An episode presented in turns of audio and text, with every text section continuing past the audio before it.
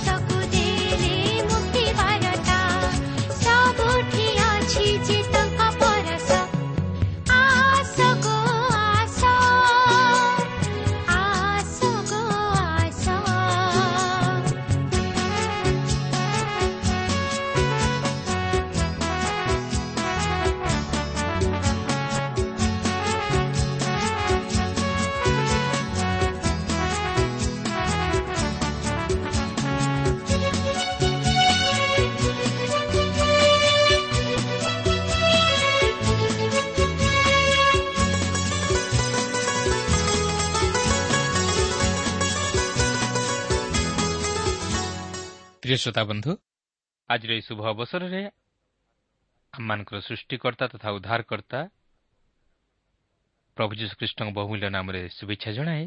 ଆଜିର ଏହି ପଥ ପ୍ରଦର୍ଶିକା କାର୍ଯ୍ୟକ୍ରମକୁ ଆପଣଙ୍କୁ ସ୍ୱାଗତ ଜଣାଏ। ଆପଣଙ୍କର ସହଯୋଗ ନିମନ୍ତେ ବିଶେଷ ଧନ୍ୟବାଦ। ଆପଣଙ୍କର ହୃଦୟସ୍ପର୍ଶୀ ସାକ୍ଷ୍ୟ ନିମନ୍ତେ ମଧ୍ୟ ଆମେ ବିଶେଷ ଖୁସି। ପ୍ରଭୁଙ୍କ ନାମକୁ ଧନ୍ୟବାଦ ଦେଉ।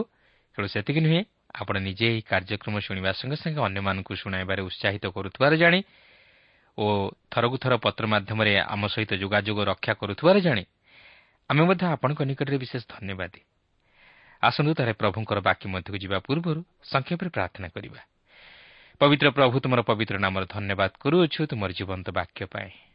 ପବିତ୍ର ପ୍ରଭୁ ତୁମର ବାକ୍ୟ ମଧ୍ୟ ଦେଇ ତୁମେ ଆମମାନଙ୍କ ସହିତ କଥା କୁହ। ଆମମାନଙ୍କର ଜୀବନର ସମସ୍ତ ଦୋଷ ଦୁର୍ବଳତାକୁ ପ୍ରଭୁ ତୁମେ ଆମମାନଙ୍କୁ ଦେଖାଇ ଦିଅ ଏବଂ ସେହି ସମସ୍ତ ଦୋଷ ଦୁର୍ବଳତାକୁ ଯେପରି ଆମେ ତୁମ ନିକଟରେ ସ୍ୱୀକାର କରି କ୍ଷମା ମାଗି ଯେପରି ପାପରୁ ଉଦ୍ଧାରପ୍ରାପ୍ତ ହୋଇ ପ୍ରଭୁ ତୁମର ସନ୍ତାନ ସନ୍ତତି ହେବାର ଅଧିକାର ପ୍ରାପ୍ତ ହେବାକୁ ଏ ଅନୁଗ୍ରହ ତୁମେ ଦାନ କର ପ୍ରତ୍ୟେକ ଶ୍ରୋତାବନ୍ଧୁମାନଙ୍କୁ ତୁମେ ଆଶୀର୍ବାଦ କର ଏବଂ ପ୍ରତ୍ୟେକଙ୍କର ସମସ୍ୟା ତୁମେ ସମାଧାନ କର ପ୍ରତ୍ୟେକଙ୍କୁ ପ୍ରଭୁ ତୁମରି ଅନୁଗ୍ରହରେ ପରିପୂର୍ଣ୍ଣ କର ଯୀଶୁଙ୍କ ନାମରେ ମାଗୁଅଛୁ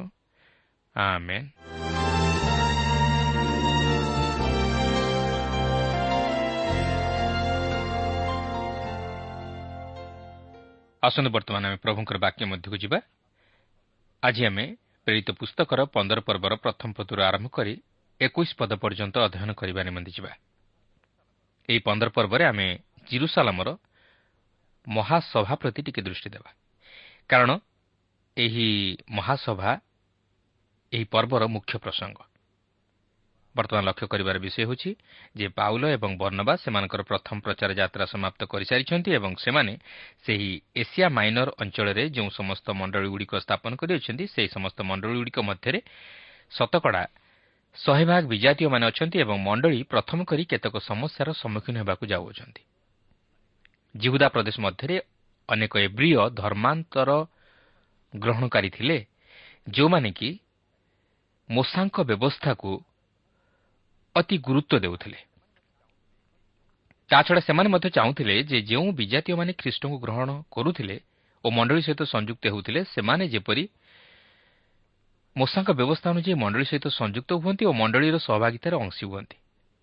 ପ୍ରକୃତରେ ସେମାନେ ଭାବୁଥିଲେ ଯେ ବିଜାତୀୟମାନେ ଯେପର୍ଯ୍ୟନ୍ତ ସୁନ୍ନତ ହୋଇନାହାନ୍ତି ସେ ପର୍ଯ୍ୟନ୍ତ ସେମାନେ ଉଦ୍ଧାର ପାଇନାହାନ୍ତି। ତେବେ ଏହି ସମ୍ବାଦ ଜିରୁସାଲାମରେ ଥିବା ମଣ୍ଡଳୀ ନିକଟରେ ଯାଇ ପହଞ୍ଚିଲା ଓ ପ୍ରେରିତମାନେ ଏହି ବିଷୟ ନେଇ ଅନେକ ପ୍ରଶ୍ନର ସମ୍ମୁଖୀନ ହେଲେ। ଏହାର ସମାଧାନ ନିମନ୍ତେ ମଣ୍ଡଳୀ ମଧ୍ୟ କେତେଗୁଡ଼ିଏ ନିଷ୍ପତ୍ତି ନେଲେ। ତେଣୁ ଏହି ସମସ୍ତ ବିଷୟକୁ ଦୃଷ୍ଟି ଆଗରେ ରଖି ତହିଁର ସମାଧାନ ନିମନ୍ତେ ଜିରୁସାଲାମରେ ପ୍ରଥମ କରି ମହାସଭା ଅନୁଷ୍ଠିତ ହୋଇଥିଲା। କିନ୍ତୁ ପ୍ରକୃତରେ ଦେଖିବାକୁ ଗଲେ ମଣ୍ଡଳୀ ହେଉଛି ଖ୍ରୀଷ୍ଟଙ୍କ ଶରୀର। ଖ୍ରୀଷ୍ଟ ହେଉଛନ୍ତି ମଣ୍ଡଳୀର ମସ୍ତକ ସ୍ୱରୂପ। ଖ୍ରୀଷ୍ଟଙ୍କ ବ୍ୟତୀତ ଯଦି ମଣ୍ଡଳୀ ମଧ୍ୟରେ ଅନ୍ୟ କୌଣସି ବିଷୟ ସ୍ଥାନ ପାଇଥାଏ ଯାହାକି ଖ୍ରୀଷ୍ଟଙ୍କର ମନର ମତ ନୁହେଁ ତାହେଲେ ତାହା ପରିତ୍ୟାଗ କରିବା ଆବଶ୍ୟକ। ଖ୍ରୀଷ୍ଟ ମଣ୍ଡଳୀ ମଧ୍ୟରେ ବା ଖ୍ରୀଷ୍ଟ ବିଶ୍ୱାସୀ ଜୀବନରେ ଯଦି ଖ୍ରୀଷ୍ଟ ଅଛନ୍ତି ତାହେଲେ ତାହା ସବୁଠାରୁ ଉତ୍ତମ ବିଷୟ। ଖ୍ରୀଷ୍ଟ ହିଁ ମଣ୍ଡଳୀର ପ୍ରତିଷ୍ଠାତା ଓ ସେ ହିଁ ମଣ୍ଡଳୀର ମୂଳଦୁଆ। ତେଣୁ ଖ୍ରୀଷ୍ଟଙ୍କୁ ଗୁରୁତ୍ୱ ନ ଦେଇ ଆମେ ଯଦି କେବଳ ମଣ୍ଡଳୀକୁ ଗୁରୁତ୍ୱ ଦେଉ ତାହେଲେ ତହିଁରେ କିଛି ଲାଭ ନାହିଁ। ଖ୍ରୀଷ୍ଟ ପ୍ରତ୍ୟେକ ଖ୍ରୀଷ୍ଟ ବିଶ୍ୱାସୀମାନଙ୍କ ଜୀବନରେ ଶ୍ରେଷ୍ଠ ସ୍ଥାନ ଅଧିକାର କରିବା ଉଚିତ। ବର୍ତ୍ତମାନ ଆମେ ସେହି ଜିରୁସାଲାମରେ ଥିବା ମହାସଭା ପ୍ରତି ଟିକେ ଦୃଷ୍ଟି ଦେବା। ଏହି ମହାସଭା ଏକ ସ୍ୱତନ୍ତ୍ର ଦଳକୁ ନେଇ ଗଠିତ ହୋଇଥିଲା। ଏହି ମହାସଭା ଏକ ମହାନ ବିଷୟକୁ ଦୃଷ୍ଟି ଆଗରେ ରଖି ବିଚାର କରି ଏକ ସିଦ୍ଧାନ୍ତରେ ଉପନୀତ ହେବା ନିମନ୍ତେ ଗଠିତ ହୋଇଥିଲା। ଆଉ ସେହି ଆଲୋଚନାର ବିଷୟ ଥିଲା ବ୍ୟବସ୍ଥା ସହିତ ଅନୁଗ୍ରହ ଓ ବ୍ୟବସ୍ଥା ସହିତ ସ୍ୱାଧୀନତା। ବର୍ତ୍ତମାନ ସୁନ୍ନତ କ୍ରିୟା ନେଇ ହୋଇଥିବା ପ୍ରଶ୍ନ ଉପରେ କିଛି ଆଲୋଚନା କରିବାକୁ ଯିବା। ଦେଖନ୍ତୁ ପନ୍ଦର ପର୍ବର ପ୍ରଥମ ପଦରେ ଲେଖା ଅଛି। ଏଥିମଧ୍ୟରେ କେତେକ ଲୋକ ଜିହୁଦା ପ୍ରଦେଶରୁ ଆସି ଭାଇମାନଙ୍କୁ ଏହି ଶିକ୍ଷା ଦେବାକୁ ଲାଗିଲେ ମୂଷାଙ୍କ ବିଧି ଅନୁସାରେ ତୁମମାନଙ୍କର ସୁନ୍ନତ ନ ହେଲେ ପରିତ୍ରାଣ ପାଇପାରିବ ନାହିଁ। ଦେଖନ୍ତୁ ବର୍ତ୍ତମାନ ଏକ ଜଟିଳ ପରିସ୍ଥିତି ଆସି ଉପୁଜିଛି। କେତେକ ଲୋକ ଜିହୁଦା ପ୍ରଦେଶରୁ ଆସି ଭାଇମାନଙ୍କୁ ଏହି ଶିକ୍ଷା ଦେଉଛନ୍ତି। ମୂଷାଙ୍କ ବିଧି ଅନୁସାରେ ତୁମମାନଙ୍କର ସୁନ୍ନତ ନ ହେଲେ ପରିତ୍ରାଣ ପାଇପାରିବ ନାହିଁ। ତେଣୁ ବର୍ତ୍ତମାନ ଆଲୋଚନାର ପ୍ରଶ୍ନ ହେଉଛି ଉଦ୍ଧାର ପାଇବାକୁ ହେଲେ କ'ଣ ସୁନ୍ନତ ହେବା ନିତାନ୍ତ ଆବଶ୍ୟକ? ତେବେ ଏହି ପ୍ରଶ୍ନ ନେଇ ଆମେ ଟିକିଏ ଗଭୀର ଭାବେ ଚିନ୍ତା କରିବାକୁ ଯିବା।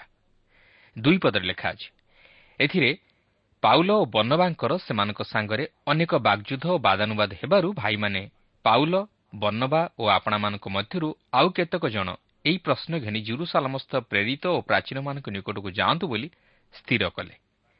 ଦେଖନ୍ତୁ ଏହି ସୁନ୍ନତ ହେବା ବିଷୟ ନେଇ ସେମାନଙ୍କ ମଧ୍ୟରେ ଘୋର ତର୍କ ବିତର୍କ ହୋଇଥିଲା। କିନ୍ତୁ ଏଠାରେ ଆମେ ଜାଣି ରଖିବା ଉଚିତ ଯେ ପ୍ରକୃତରେ ସୁଷମାଚାର ନେଇ ଏହି ମହାସଭା ମଧ୍ୟରେ ପ୍ରଶ୍ନ ଉଠିଥିଲା। ତେବେ ଗାଲାତୀୟ ପୁସ୍ତକ ଏହି ସମସ୍ତ ବିଷୟକୁ ଦୃଷ୍ଟି ଆଗରେ ରଖି ଆମମାନଙ୍କୁ ଏକ ସମାଧାନରେ ଉପନୀତ କରାଏ ଯାହାକି ପ୍ରେରିତ ପାଉଲ ଉଲ୍ଲେଖ କରନ୍ତି। ପ୍ରଥମଟି ସୁଷମାଚାରର ଘଟଣା ଉପରେ ସେ ଗୁରୁତ୍ୱ ଦେବାକୁ ଯାଇ ଏହିପରି ଉଲ୍ଲେଖ କରନ୍ତି ଯାହାକି ପ୍ରଥମ କରନ୍ଥୀୟ ପନ୍ଦର ପର୍ବର ପନ୍ଦରରୁ ସତର ପଦ ମଧ୍ୟରେ ଲେଖା ଅଛି। ଏଠାରେ ସେ ପ୍ରଭୁ ଯୀଶୁଖ୍ରୀଷ୍ଟଙ୍କର ମୃତ୍ୟୁ ସମାଧି ଓ ପୁନରୁତ୍ଥାନ ଉପରେ ବିଶେଷ ଗୁରୁତ୍ୱ ଦିଅନ୍ତି। କିନ୍ତୁ ଗାଲାତୀୟ ପୁସ୍ତକରେ ସେ ସେହି ସୁଷମାଚାରର ଭାଷାନ୍ତର ଉପରେ ବିଶେଷ ଗୁରୁତ୍ୱ ଦିଅନ୍ତି ଯାହାକି ସେହି ମହାସଭାର ପ୍ରଶ୍ନର ଉତ୍ତର ପ୍ରଦାନ କରେ ଗାଲାତୀୟ ତିନି ପର୍ବର ବାଇଶ ପଦରେ ଏହିପରି ଲେଖା ଅଛି। କିନ୍ତୁ ଯେପରି ଯୀଶୁଖ୍ରୀଷ୍ଟଙ୍କଠାରେ ବିଶ୍ୱାସ ହେତୁ ପ୍ରତିଜ୍ଞା ବିଶ୍ୱାସ କରୁଥିବା ଲୋକମାନଙ୍କୁ ଦିଆଯାଏ ଏଥିପାଇଁ ଧର୍ମଶାସ୍ତ୍ର ସମସ୍ତ ବିଷୟକୁ ପାପର ଅଧୀନ ବୋଲି ଗଣନା କରିଅଛି। ତାହେଲେ ପ୍ରଶ୍ନ ହେଉଛି ଯେ ଜଣେ ଉଦ୍ଧାର ପାଇବାକୁ ହେଲେ ତାକୁ କ'ଣ କରିବାକୁ ହେବ? କେବଳ ବିଶ୍ୱାସ ବ୍ୟତୀତ ଆଉ ଅନ୍ୟ କିଛି ନୁହେଁ।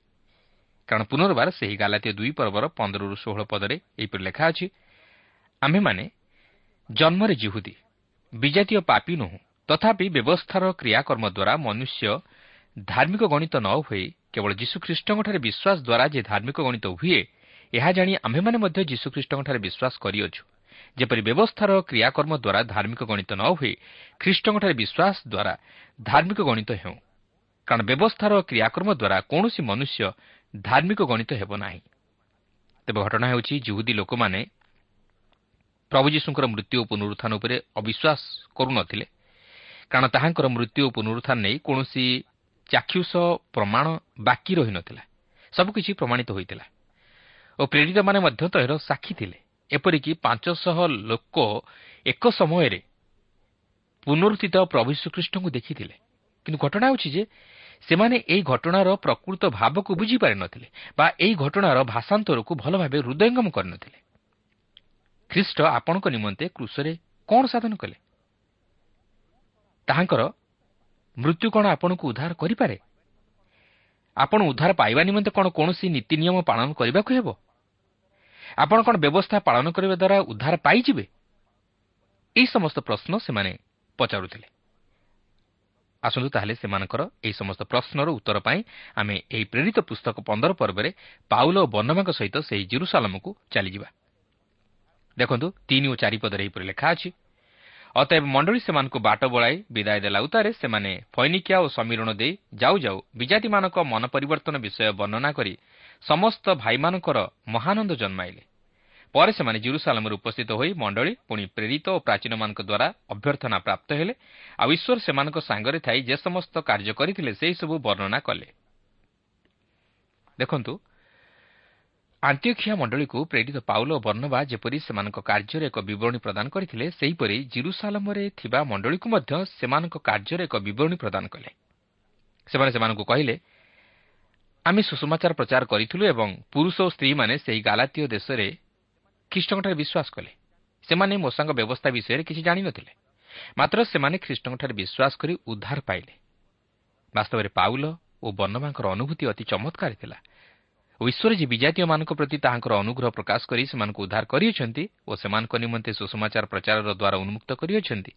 ଏହା ସେମାନେ ଜାଣିଥିଲେ ଓ ସେଥିର ସାକ୍ଷ୍ୟ ମଧ୍ୟ ବହନ କରିଥିଲେ। ପାଞ୍ଚ ଓ ଛଅ ପଦରେ ଲେଖା ଅଛି କିନ୍ତୁ ଫାରୁସି ଦଳର କେତେକ ଜଣ ବିଶ୍ୱାସୀ ଉଠି କହିଲେ ବିଜାତୀୟ ଶିଷ୍ୟମାନଙ୍କୁ ସୁନ୍ନତ କରିବା ଓ ମୂଷାଙ୍କର ବ୍ୟବସ୍ଥା ପାଳନ କରିବା ନିମନ୍ତେ ସେମାନଙ୍କୁ ଆଜ୍ଞା ଦେବା ଆବଶ୍ୟକ। ପରେ ଏହି ବିଷୟ ନେଇ ଆଲୋଚନା କରିବା ନିମନ୍ତେ ପ୍ରେରିତ ଓ ପ୍ରାଚୀନମାନେ ସମବେତ ହେଲେ। ଦେଖନ୍ତୁ ଫାରୁସି ଦଳର କେତେକ ଜଣ ଏହି ବିଷୟ ନେଇ ସେମାନଙ୍କର ଭିନ୍ନ ଭିନ୍ନ ମତାମତ ଦେଉଛନ୍ତି। ସେମାନେ ଏହି ସୁଷମାଚାର ସହିତ ଅଧିକ କିଛି ଯୋଗ କରୁଛନ୍ତି। ସେମାନେ ବ୍ୟବସ୍ଥାକୁ ମଧ୍ୟ ତହିଁରେ ଯୋଗ କରୁଛନ୍ତି। କିନ୍ତୁ ବ୍ୟବସ୍ଥା ପାଳନ କରିବା ଦ୍ୱାରା ମନୁଷ୍ୟ ଯେ ଧାର୍ମିକ ଗଣିତ ହୋଇପାରିବ ନାହିଁ ଏହା ସେମାନେ ଜାଣିପାରୁନାହାନ୍ତି। ସେମାନେ ସୁଷମାଚାର ଉପରେ ଗୁରୁତ୍ୱ ନ ଦେଇ ବ୍ୟବସ୍ଥା ଉପରେ ଗୁରୁତ୍ୱ ଦେଉଅଛନ୍ତି। କିନ୍ତୁ ଖ୍ରୀଷ୍ଟଙ୍କଠାରେ ବିଶ୍ୱାସ କରିବା ଦ୍ୱାରା ଜଣେ ପାପି ଯେ ପାପରୁ ଉଦ୍ଧାର ପାଏ ଏହା ପାଉଲ ଓ ବର୍ଣ୍ଣବା ସେମାନଙ୍କ ନିକଟରେ ସ୍ପଷ୍ଟ ପ୍ରକାଶ କରିଦେଇଥିଲେ। କିନ୍ତୁ ସେମାନେ ବିଶ୍ୱାସ ଉପରେ ଗୁରୁତ୍ୱ ନ ଦେଇ ନିଜର ଧର୍ମକର୍ମ ବା ବ୍ୟବସ୍ଥା ପାଳନ ଦ୍ୱାରା ଉଦ୍ଧାର ପାଇବେ ଓ ଈଶ୍ୱରଙ୍କ ସନ୍ତାନ ହେବାର ଯୋଗ୍ୟତା ହାସଲ କରିବେ ବୋଲି ଭାବୁଥିଲେ। କିନ୍ତୁ ତାହା କେବେ ହେଲେ ସମ୍ଭବ ନୁହେଁ କାରଣ ଧାର୍ମିକ ବିଶ୍ୱାସ ଦ୍ୱାରା ବଞ୍ଚିବ ବୋଲି ବାଇବଲ ପ୍ରକାଶ କରେ କିନ୍ତୁ ନିଜର ଧର୍ମକର୍ମ ହେତୁ ନୁହେଁ ତାହା ହୋଇଥିଲେ ପ୍ରଭୁ ଯୀଶୁଖ୍ରୀଷ୍ଟ ଏହି ଜଗତକୁ ଆଗମନ କରି କୃଷି ମୃତ୍ୟୁଭୋଗ କରିବା ଓ ମୃତ୍ୟୁରୁ ପୁନରୁତ୍ଥିତ ହେବାର ଆବଶ୍ୟକ ହୋଇନଥାନ୍ତା କିନ୍ତୁ ମନୁଷ୍ୟ ବ୍ୟବସ୍ଥା ଅନୁଯାୟୀ ସମସ୍ତ ଧର୍ମକର୍ମ ପାଳନ କରି ନ ପାରିବା ହେତୁ ଓ ବ୍ୟବସ୍ଥା ଅନୁଯାୟୀ ପାପି ବୋଲି ଗଣିତ ହେବାରୁ ପ୍ରଭୁ ଯୀଶୁଖ୍ରୀଷ୍ଟ ପ୍ରାୟଶ୍ଚିତ ବଳି ସ୍ୱରୂପେ ଆମମାନଙ୍କୁ ପାପରୁ ଉଦ୍ଧାର କରିବା ନିମନ୍ତେ କୃଷି ମୃତ୍ୟୁଭୋଗ କରି ତାଙ୍କର ସେ ପବିତ୍ର ରକ୍ତ ଦେଇ ଆମମାନଙ୍କୁ ପାପରୁ ଉଦ୍ଧାର କଲେ ଓ ସେ ମୃତ୍ୟୁକୁ ଜୟ କରି ଉଠିବା ଦ୍ୱାରା ଆମମାନଙ୍କ ନିମନ୍ତେ ଧାର୍ମିକତା ସ୍ୱରୂପ ହେଲେ ଓ ସେ ବ୍ୟବସ୍ଥାକୁ ମଧ୍ୟ ସଫଳ କଲେ।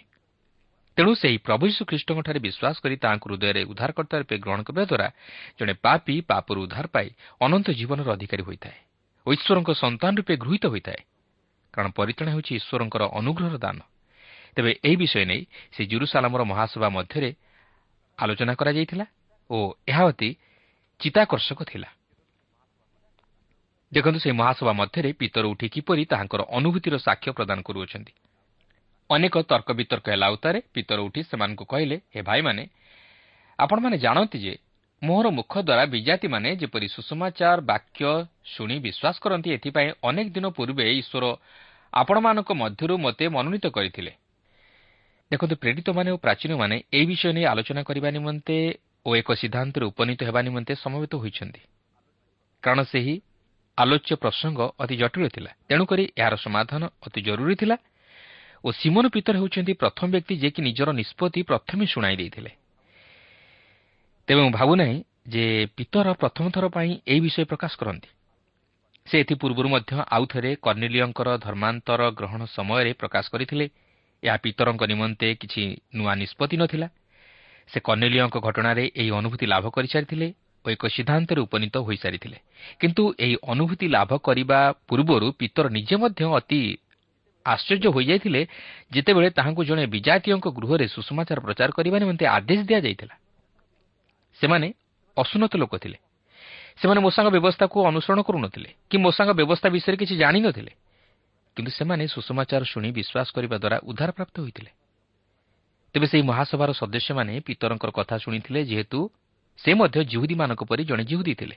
ସେ ନିଜେ କହନ୍ତି ଯେ ସେ କେବେ ହେଲେ କୌଣସି ଅସୁଚି ଦ୍ରବ୍ୟ ଭୋଜନ କରିନଥିଲେ କି କୌଣସି ବିଜାତୀୟର ଗୃହରେ ଯାଇ ପ୍ରଚାର କରିବେ ବୋଲି ଭାବିନଥିଲେ ସେ ମୂଷାଙ୍କ ବ୍ୟବସ୍ଥା ସହିତ ଅତି ପରିଚିତ ଥିଲେ। ତେଣୁ ପିତର ଯଦି କିଛି କହନ୍ତି ତାହେଲେ ସେମାନେ ଶୁଣିବେ। ବର୍ତ୍ତମାନ ପିତର ପରିଷ୍କାର ଭାବେ ପ୍ରକାଶ କରି କହନ୍ତି ଯେ ବିଜାତୀୟମାନେ ତାହାଙ୍କ ମୁଖରୁ ସୁଷମାଚାର ଶୁଣି ବିଶ୍ୱାସ କରିବାରୁ ଉଦ୍ଧାର ପାଇଲେ। ସେମାନେ ଈଶ୍ୱରଙ୍କ ଅନୁଗ୍ରହରେ ଉଦ୍ଧାର ପାଇଥିଲେ। ପିତର ନିଜେ ମଧ୍ୟ ଏହି ଶିକ୍ଷା ପାଇଥିଲେ ଯେ ଜଣେ ଲୋକ ଉଦ୍ଧାର ପାଇବା ତାହାର ମାଂସ ଖାଇବା ବା ନ ଖାଇବା ଉପରେ ନିର୍ଭର କରେ ନାହିଁ ମାତ୍ର ତାହାର ସୁଷମାଚାରରେ ବିଶ୍ୱାସ କରିବା ଉପରେ ନିର୍ଭର କରେ। କାରଣ ପରିତାଣ ହେଉଛି ଈଶ୍ୱରଙ୍କର ଅନୁଗ୍ରହର ଦାନ। ମନୁଷ୍ୟର କ୍ରିୟାକର୍ମରୁ କିମ୍ବା ଧର୍ମକର୍ମ ହେତୁ ନୁହେଁ। ଜଣେ ବ୍ୟକ୍ତି ଖ୍ରୀଷ୍ଟଙ୍କଠାରେ ବିଶ୍ୱାସ କରିବା ଦ୍ୱାରା ତହିଁର ଅଧିକାରୀ ହୋଇଥାଏ। କିନ୍ତୁ ମାଂସ ଖାଇବା ବା ନ ଖାଇବା କିମ୍ବା ଅନ୍ୟାନ୍ୟ ବ୍ୟବସ୍ଥା ସମ୍ବନ୍ଧୀୟ ବିଷୟ ସାଧନ କରିବା ଆମମାନଙ୍କ ପସନ୍ଦ ଉପରେ ନିର୍ଭର କରେ। ଯେହେତୁ ଏହି ସମସ୍ତ ବାହ୍ୟ ଧର୍ମକର୍ମ ପରିତାଣ ସମ୍ବନ୍ଧୀୟ ନୁହେଁ ଏହା ଜଣେ ପାପୀକୁ ପାପରୁ ଉଦ୍ଧାର କରିପାରେ ନାହିଁ ମାତ୍ର ତାହାର ପାପ ବିଷୟରେ ତାହାକୁ ସଚେତନ କରାଇ ଦେଇଥାଏ। କିନ୍ତୁ ଖ୍ରୀଷ୍ଟଙ୍କଠାରେ ବିଶ୍ୱାସ ଦ୍ୱାରା ଜଣେ ଉଦ୍ଧାରପ୍ରାପ୍ତ ହୋଇ ପରିତାଣର ଅଧିକାରୀ ହୋଇଥାଏ। ତାହା ହିଁ ପିତର ଏଠାରେ ପ୍ରକାଶ କରନ୍ତି। ବ୍ୟବସ୍ଥା ପାଳନ ହେତୁ ଜଣେ ଧାର୍ମିକ ବୋଲି ଗଣିତ ହୁଏ ନାହିଁ ମାତ୍ର ଖ୍ରୀଷ୍ଟଙ୍କଠାରେ ବିଶ୍ୱାସ କରିବା ଦ୍ୱାରା ଜଣେ ବ୍ୟକ୍ତି ପାପରୁ ଉଦ୍ଧାର ପାଇ ଧାର୍ମିକ ବୋଲି ଗଣିତ ହୁଏ। ଆଠ ଓ ନଅ ପଦରେ ଏହିପରି ଲେଖା ଅଛି ଅନ୍ତର୍ଜାମୀ ଈଶ୍ୱର ଆମମାନଙ୍କୁ ଯେପରି ପବିତ୍ର ଆତ୍ମା ଦାନ କରିଅଛନ୍ତି ସେମାନଙ୍କୁ ମଧ୍ୟ ସେହିପରି ଦାନ କରି ସେମାନଙ୍କ ପକ୍ଷରେ ସାକ୍ଷ୍ୟ ଦେଇଅଛନ୍ତି। ଆଉ ସେ ଆମମାନଙ୍କ ଓ ସେମାନଙ୍କ ମଧ୍ୟରେ କୌଣସି ପ୍ରଭେଦ ନ ରଖି ବିଶ୍ୱାସ ଦ୍ୱାରା ସେମାନଙ୍କର ହୃଦୟ ସୂଚୀ କରିଅଛନ୍ତି। ଏଠାରେ ପିତର କ'ଣ କହନ୍ତି ଯେ ବ୍ୟବସ୍ଥା ପାଳନ ହେତୁ ଈଶ୍ୱର ସେମାନଙ୍କର ହୃଦୟ ପବିତ୍ର କଲେ? ନୁହେଁ। କ'ଣ କୌଣସି ପର୍ବପର୍ବାଣୀ ବା ଉତ୍ସବ ପାଳନ କରିବା ଦ୍ୱାରା ନୁହେଁ। କ'ଣ ମଣ୍ଡଳୀ ସହିତ ସଂଯୁକ୍ତ ହେବା ଦ୍ୱାରା ନୁହେଁ। କିନ୍ତୁ ପିତର କହନ୍ତି ବିଶ୍ୱାସ ଦ୍ୱାରା ପିତର କହନ୍ତି ମୁଁ କଲିନୀୟ ଏକ ଗୃହକୁ ଗଲି ମୁଁ ସେମାନଙ୍କୁ ସୁଷମାଚାର ଶୁଣାଇଲି। ସେମାନେ ବିଶ୍ୱାସ କଲେ ଓ ଉଦ୍ଧାର ପାଇଲେ। ପବିତ୍ର ଆତ୍ମା ମଧ୍ୟ ସେମାନଙ୍କ ଉପରେ ଅବତରଣ କଲେ। ଯେପରିକି ସେ ଜିରୁସାଲମରେ ଆମମାନଙ୍କ ଉପରେ ସୁଦ୍ଧା ଅବତରଣ କରିଥିଲେ।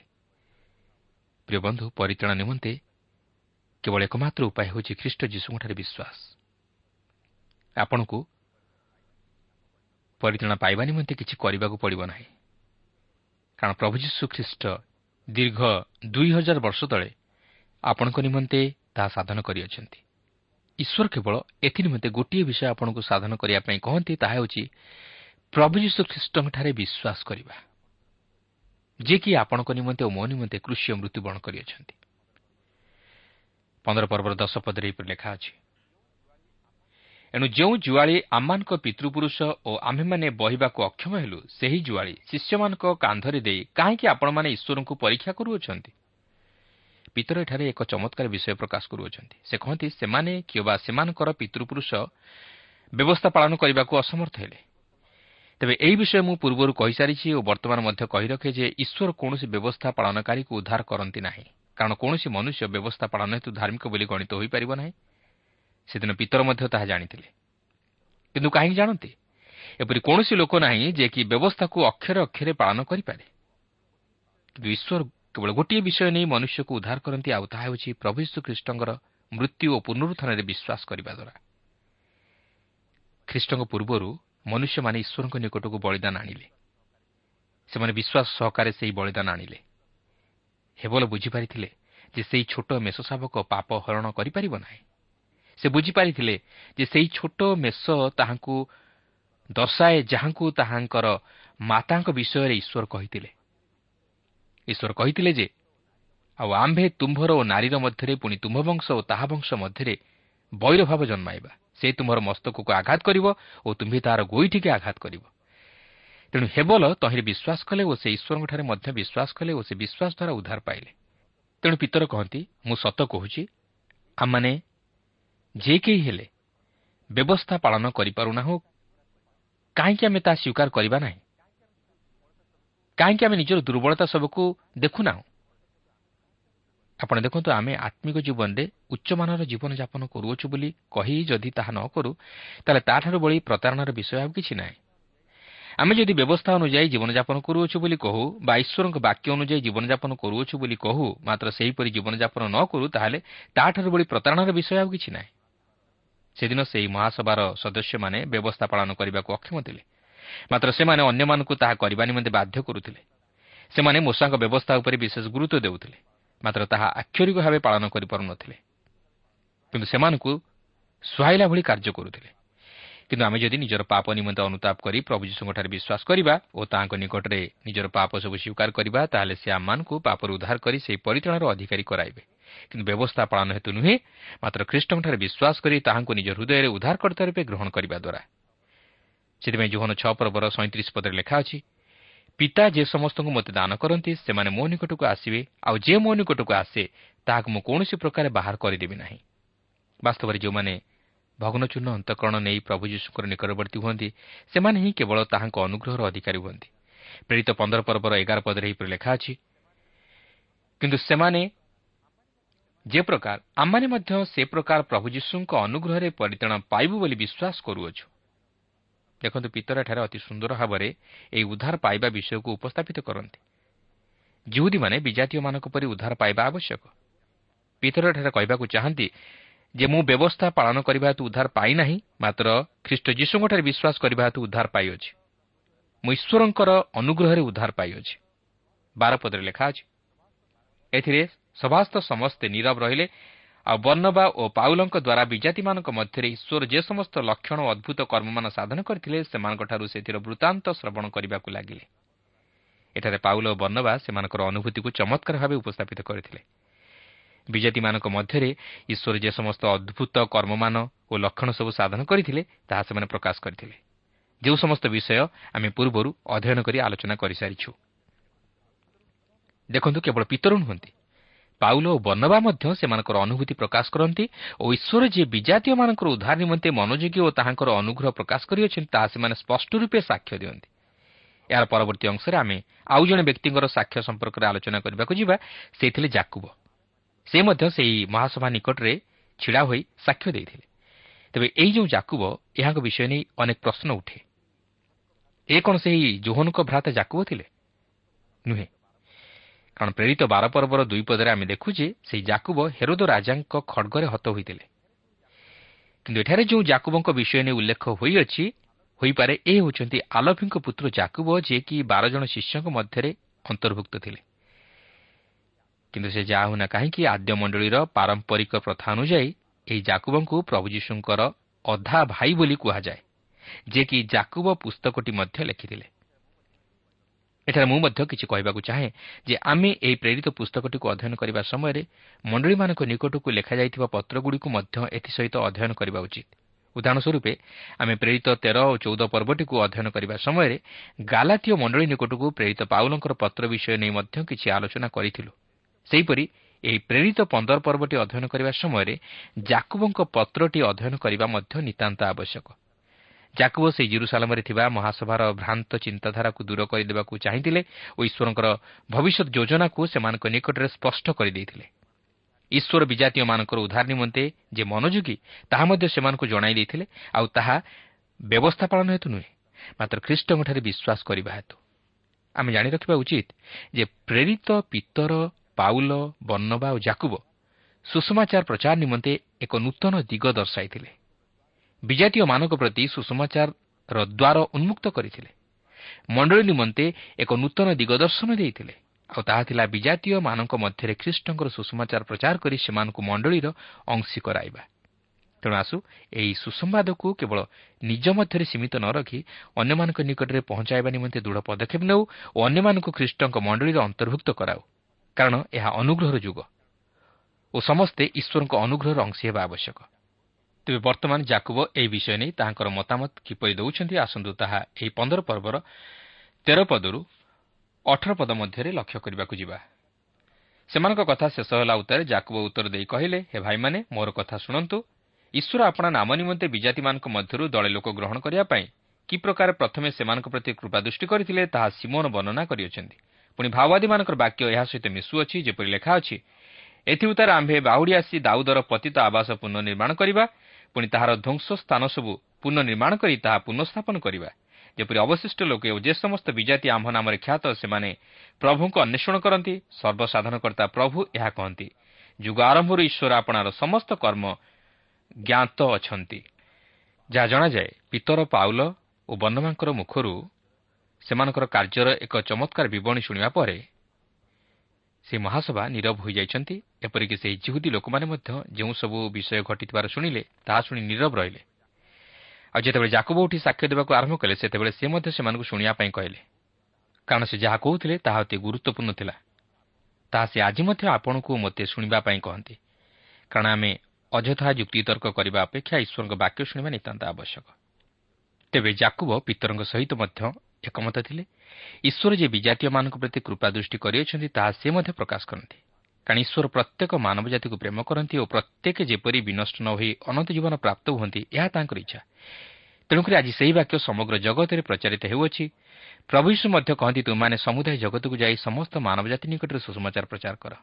ଆଜି ସେହି ସୁଷମାଚାର ମୋ ଜୀବନରେ ପରିବର୍ତ୍ତନ ଆଣିଦେଇଛି ଓ ଆପଣଙ୍କ ଜୀବନରେ ମଧ୍ୟ ଆଣିଦେଇଥିବ ବୋଲି ମୋର ବିଶ୍ୱାସ। ଏହା ହିଁ ହେଉଛି ଈଶ୍ୱରଙ୍କର ଯୋଜନା ଯେପରି ସମସ୍ତ ମାନବ ଜାତି ସେହି ପରିତାଣର ଅଧିକାରୀ ହୁଅନ୍ତି। ତେବେ ଏହି ଘଟଣା ପ୍ରଭୁ ଯୀଶୁଙ୍କର ଏହି ଜଗତକୁ ଦ୍ୱିତୀୟ ଆଗମନ କରିବାର ଘଟଣାକୁ ପ୍ରକାଶ କରେ କିନ୍ତୁ ଏଥିପୂର୍ବରୁ ଈଶ୍ୱର ତାହାଙ୍କ ନାମରେ ଲୋକମାନଙ୍କୁ ଆହ୍ୱାନ କରିବେ ଓ ସେ ଆଜି ମଧ୍ୟ ତାହାଙ୍କ ନାମରେ ପ୍ରତ୍ୟେକ ବ୍ୟକ୍ତିବିଶେଷକୁ ଆହ୍ୱାନ କରନ୍ତି। ସେମାନେ ମଣ୍ଡଳୀର ଅନ୍ତର୍ଭୁକ୍ତ ହୁଅନ୍ତି କିନ୍ତୁ ଦିନ ଆସୁଅଛି ଯେତେବେଳେ କି ଈଶ୍ୱର ତାହାଙ୍କର ମନୋନୀତ ମଣ୍ଡଳୀକୁ ଏହି ଜଗତ ମଧ୍ୟରୁ ପୃଥକ କରିବେ ଓ ଏହା ତାଙ୍କର ଦ୍ୱିତୀୟ ଆଗମନ ସମୟରେ ଘଟିବା ପାଇଁ ଯାଉଅଛି।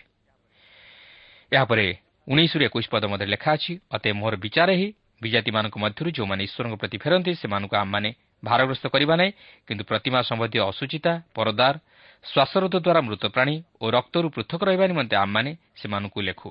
କାରଣ ପ୍ରାଚୀନ କାଳରୁ ପ୍ରତି ନଗରରେ ମୂଷାଙ୍କର ପ୍ରଚାରକମାନେ ଅଛନ୍ତି। ଏଣୁ ପ୍ରତି ବିଶ୍ରାମବାରରେ ସମାଜ ଗୃହ ସମୟରେ ତାହାଙ୍କ ବ୍ୟବସ୍ଥା ପାଠ କରାଯାଉଅଛି। ତେଣୁ ପ୍ରଭୁଙ୍କ ନାମର ଧନ୍ୟବାଦ ହେଉ। ଯେ ସେ ଆମମାନଙ୍କୁ ବ୍ୟବସ୍ଥା ଅନୁଯାୟୀ ବିଚାର ନ କରି ତାଙ୍କର ଅସୀମ ଅନୁଗ୍ରହରେ ଖ୍ରୀଷ୍ଟ ଯୀଶୁଙ୍କଠାରେ ବିଶ୍ୱାସ କରିବା ଦ୍ୱାରା ତାଙ୍କର ସନ୍ତାନ ହେବାର ଅଧିକାରୀ କରାଇଅଛନ୍ତି ଓ ସେହି ପରିଚାଳନାର ଅଧିକାରୀ ହେବା ନିମନ୍ତେ ଅନୁଗ୍ରହ ପ୍ରକାଶ କରିଅଛନ୍ତି। ପ୍ରଭୁ ପ୍ରତ୍ୟେକଙ୍କୁ ଆଶୀର୍ବାଦ କରନ୍ତୁ।